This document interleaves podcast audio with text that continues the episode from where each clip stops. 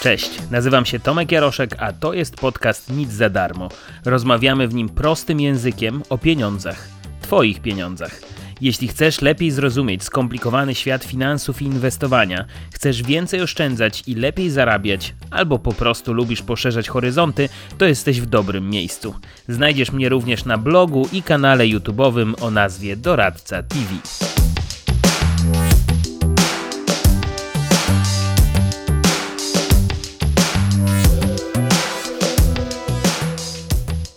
W czasie wysokiej inflacji gotówka dosłownie pali nam się w rękach. Nasze oszczędności lokujemy trochę w bankach, przebieramy w ofercie lokat, przebieramy w ofercie kont oszczędnościowych, no albo po prostu przepraszamy się z obligacjami detalicznymi. Jest jednak słaby punkt tej całej układanki, bo jest takie miejsce, gdzie pieniądze często przegrywają z inflacją, bo są pomiędzy oszczędnościami a inwestycjami. Są gotówką jeszcze niezagospodarowaną, czyli tak zwanymi wolnymi środkami. Czy w ogóle da się temu zaradzić? Może to jest jakiś wydumany problem? Gdzie trzymać wolną gotówkę na inwestycje? Spróbuję to dzisiaj w podcaście rozgryźć. W tym odcinku wątków jak zawsze kilka, czyli zasilanie rachunków maklerskich gotówką, kilka sposobów na zarządzanie wolnymi środkami, no i oczywiście dlaczego warto pomyśleć o tym i nauczyć się tego już na mniejszym kapitale. Zaczynamy! Nic za darmo. Zaprasza Tomek Jaroszek. W ubiegłym roku nagrałem z WorldSeed serię odcinków o inwestowaniu, skupiającą się w dużej mierze na ETF-ach. Było o klasycznej budowie portfela pasywnego, o ETF-ach dywidendowych, o multi-assetach. Bardzo fajne rozwiązanie, czyli obligacje i akcje w jednym instrumencie. Było nawet o kryptowalutach kupowanych przez konto maklerskie. No i te nagrania cieszyły się dosyć sporą słuchalnością, a tematów nam nie brakuje, więc postanowiłem nagrać jeszcze kilka odcinków, których partnerem będzie wspomniany Wellseed, a tematem przewodnim oczywiście inwestowanie z delikatnym naciskiem na fundusze ETF. A dla tych, którzy słyszą o partnerze podcastu po raz pierwszy, przypominam, że Wellseed to jest centrum prostych usług inwestycyjnych w waszym telefonie. Aplikacja z bardzo dużym dostępem do instrumentów takich jak ETF-y, z darmowym kontem, z brakiem opłat za przechowywanie papierów do 100 tysięcy euro, no i transakcjami powyżej 750 euro bez prowizji. Gdybyście chcieli przetestować usługę, to standardowo linka partnerskiego zostawiam Wam pod nagraniem. Dodam tylko, że od początku lutego nowy klient może liczyć na dwa ciekawe bonusy. Oprocentowanie środków na koncie, o którym jeszcze wspomnę, i od 50 do 200 zł w prezencie w formie dodatkowej akcji lub ETF-a po dokonaniu dowolnej transakcji inwestycyjnej. Tylko oczywiście dobrze przeczytajcie regulamin promocji. No to lecimy z naszym inwestycyjnym tematem.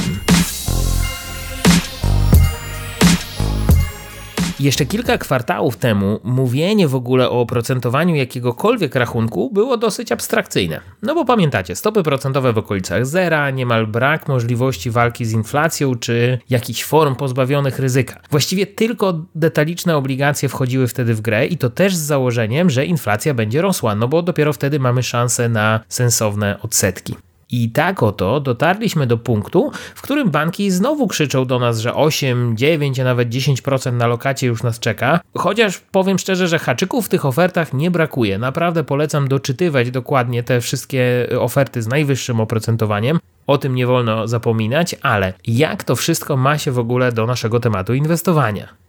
Ano tak, że środki, które przeznaczamy na inwestycje, one leżą na koncie maklerskim. To są pieniądze, które bardzo często kompletnie nie pracują, aż do momentu kupienia już jakiegoś instrumentu.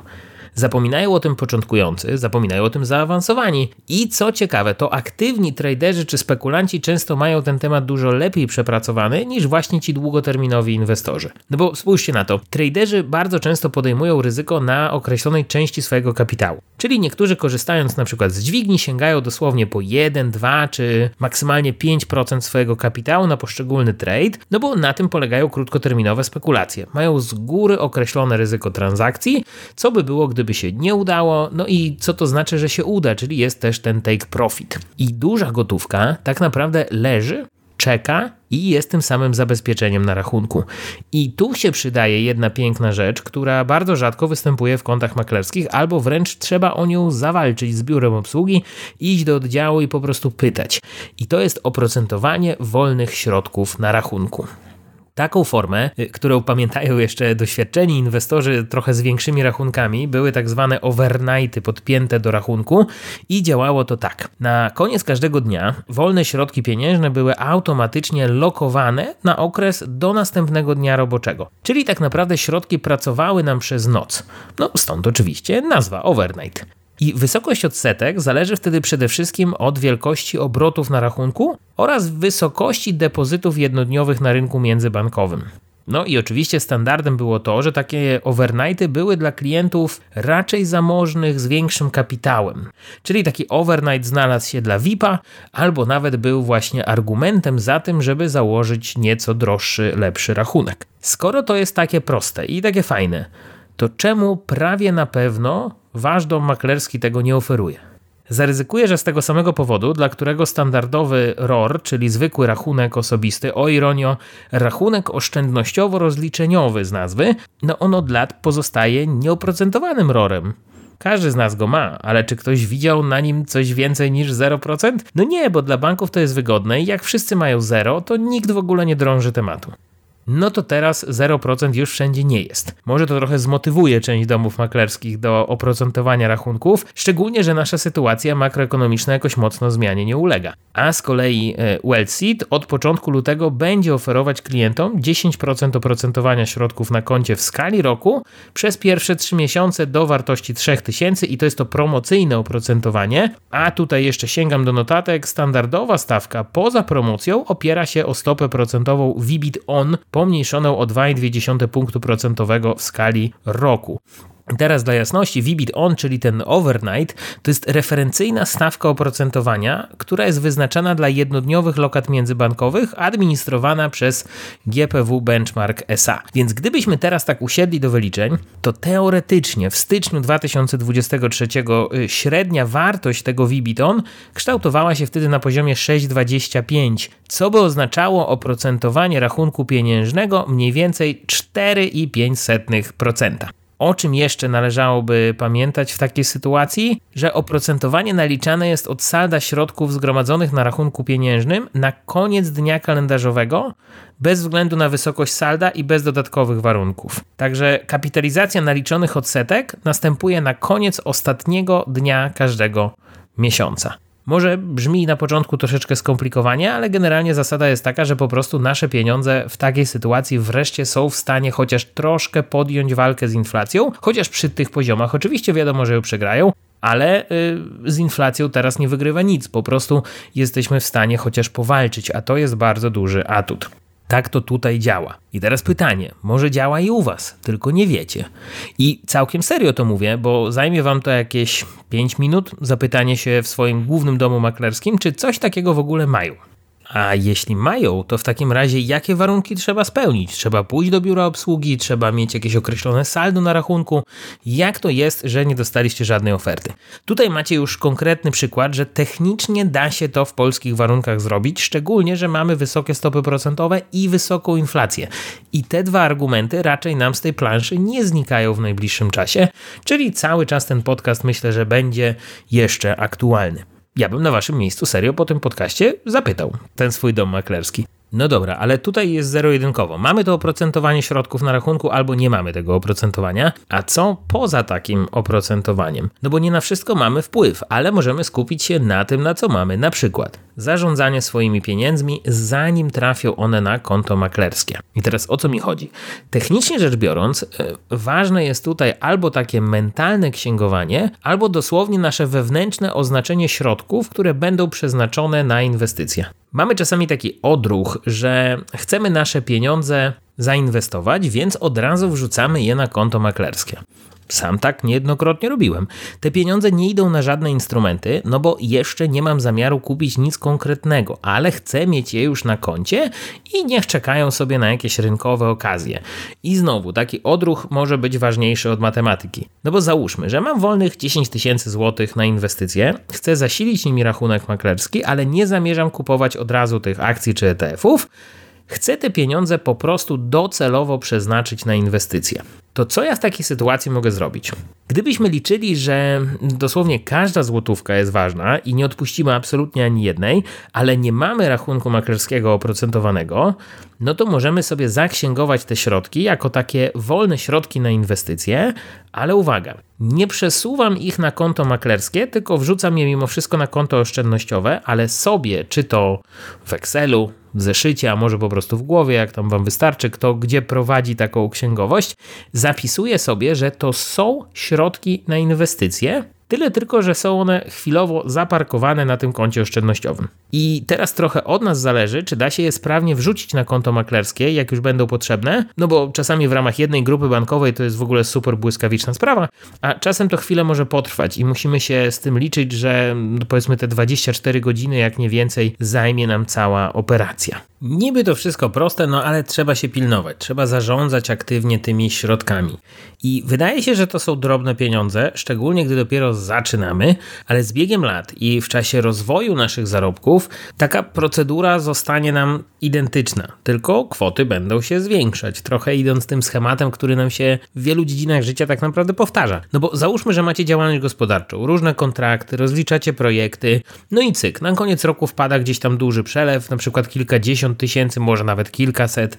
I co? Cała procedura wtedy nie jest już taka głupia, bo jak 50 tysięcy złotych może poleżeć chwilę na koncie oszczędnościowym, zanim trafi na konto maklerskie, no to już nie jest tak źle. Jednak y, opłaca się w tym momencie y, tych y, parę złotych zarobić. I tak to działa z wieloma rzeczami. Warto się czegoś nauczyć na wczesnym etapie, bo później po prostu będą nam rosły te kwoty, ale dobry nawyk jest w stanie z nami zostać. I teraz Zastanawiałem się na kilku płaszczyznach nad tym zjawiskiem i czy to w ogóle działa w dwie strony. No bo technicznie mogłoby działać. Na przykład znam takich aktywnych inwestorów i pewnie też znacie takich albo sami podobnie postępujecie, którzy potrafią wyjść z wielu inwestycji, sprzedać akcje i nawet czekać miesiącami z wolną gotówką na rachunku maklerskim, aż zobaczą ceny czy spółek, czy funduszy, które dla nich będą atrakcyjne. Czyli takie aktywne zarządzanie tym portfelem, ale takie cierpliwe, długoterminowe. Czy w tej sytuacji można wyjąć środki, wrzucić na przykład na konto oszczędnościowe i jak będą znowu potrzebne, to przesłać je jeszcze raz na rachunek?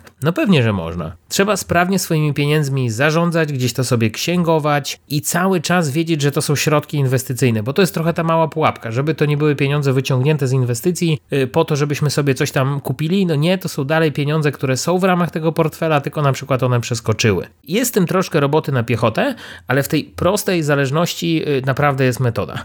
I teraz mała gwiazdka, gdzie to nie działa na kontach IKE i IGZE moich ukochanych, y, tutaj determinantem wpłaty będzie po prostu data.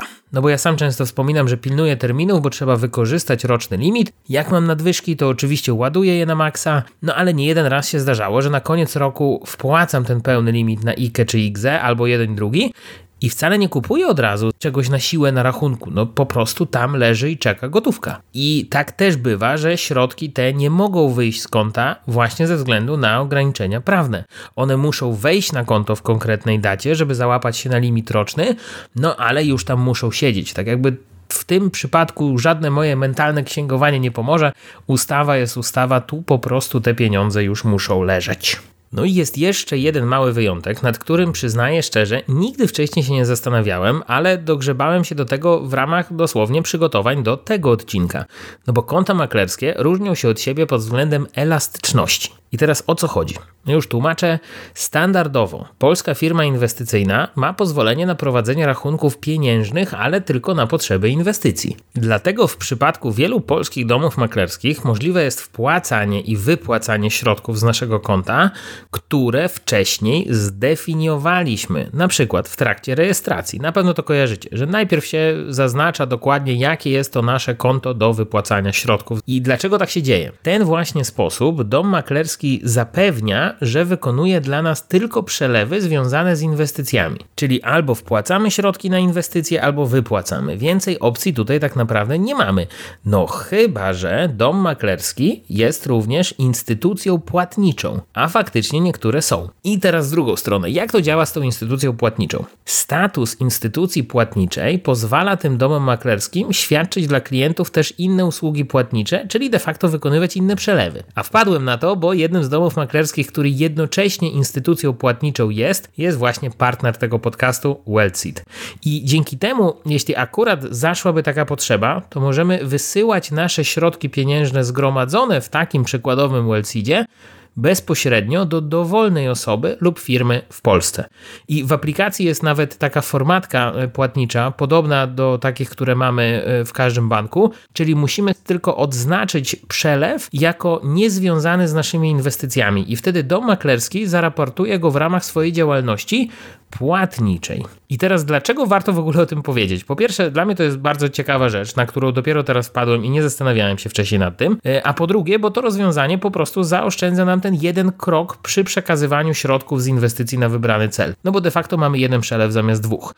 Niby to tylko jeden krok mniej, ale tak jak zawsze mówię, małe rzeczy w dłuższym okresie przy wielu powtórzeniach no mogą faktycznie zrobić nam różnicę, a poza tym taka elastyczność, jeśli akurat jest nam potrzebna w danym momencie, no to wtedy można docenić takie usprawnienie w rachunku maklerskim.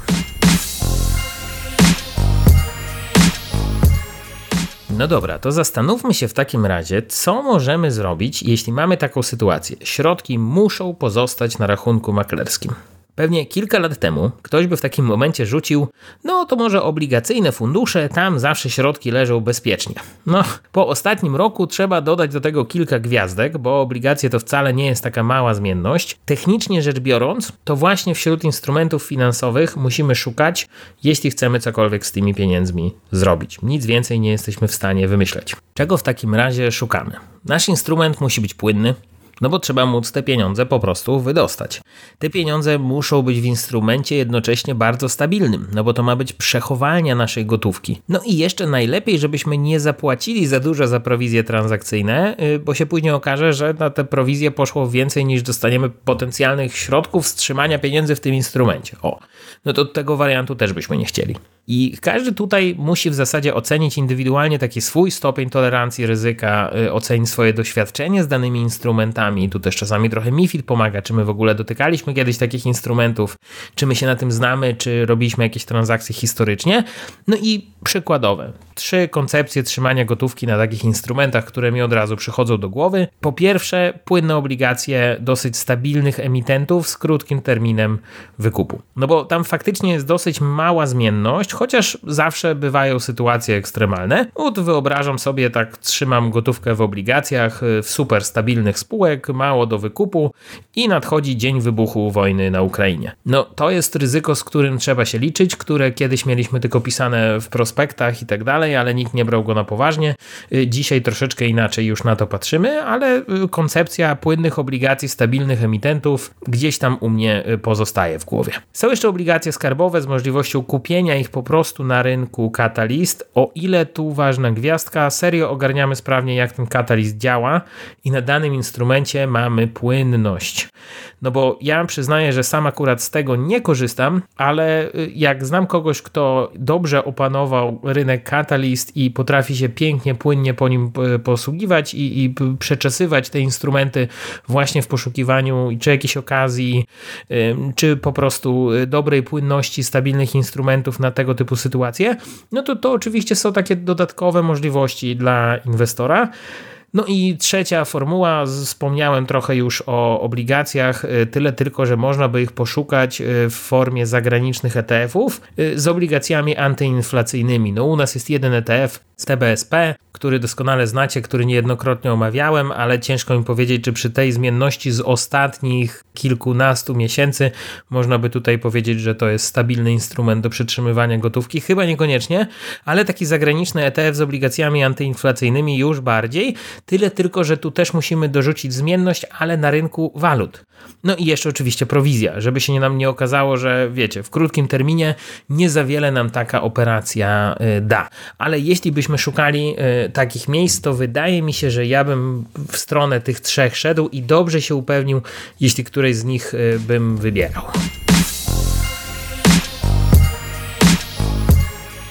Podsumowując, da się kilka rzeczy zrobić, żeby nam te wolne środki pracowały, ale zanim włożymy w cokolwiek pieniądze, musimy dobrze zważyć ryzyka, dobrze poznać instrumenty i przemyśleć sobie cały proces. Ja polecam to sobie dobrze rozpisać, żeby to nie było takie mentalne księgowanie. Wspomniałem, że parę osób sobie tak w głowie przerzuca tymi środkami, e, ale tak przezornie można by sobie to jednak dobrze rozpisać, zastanowić się i dobrze doczytać, zanim jednak coś takiego zrobimy. Jednymi słowy, jeśli mamy możliwość posiadania oprocentowania wolnej gotówki na swoim koncie maklerskim, to jest naprawdę bardzo, bardzo fajna rzecz.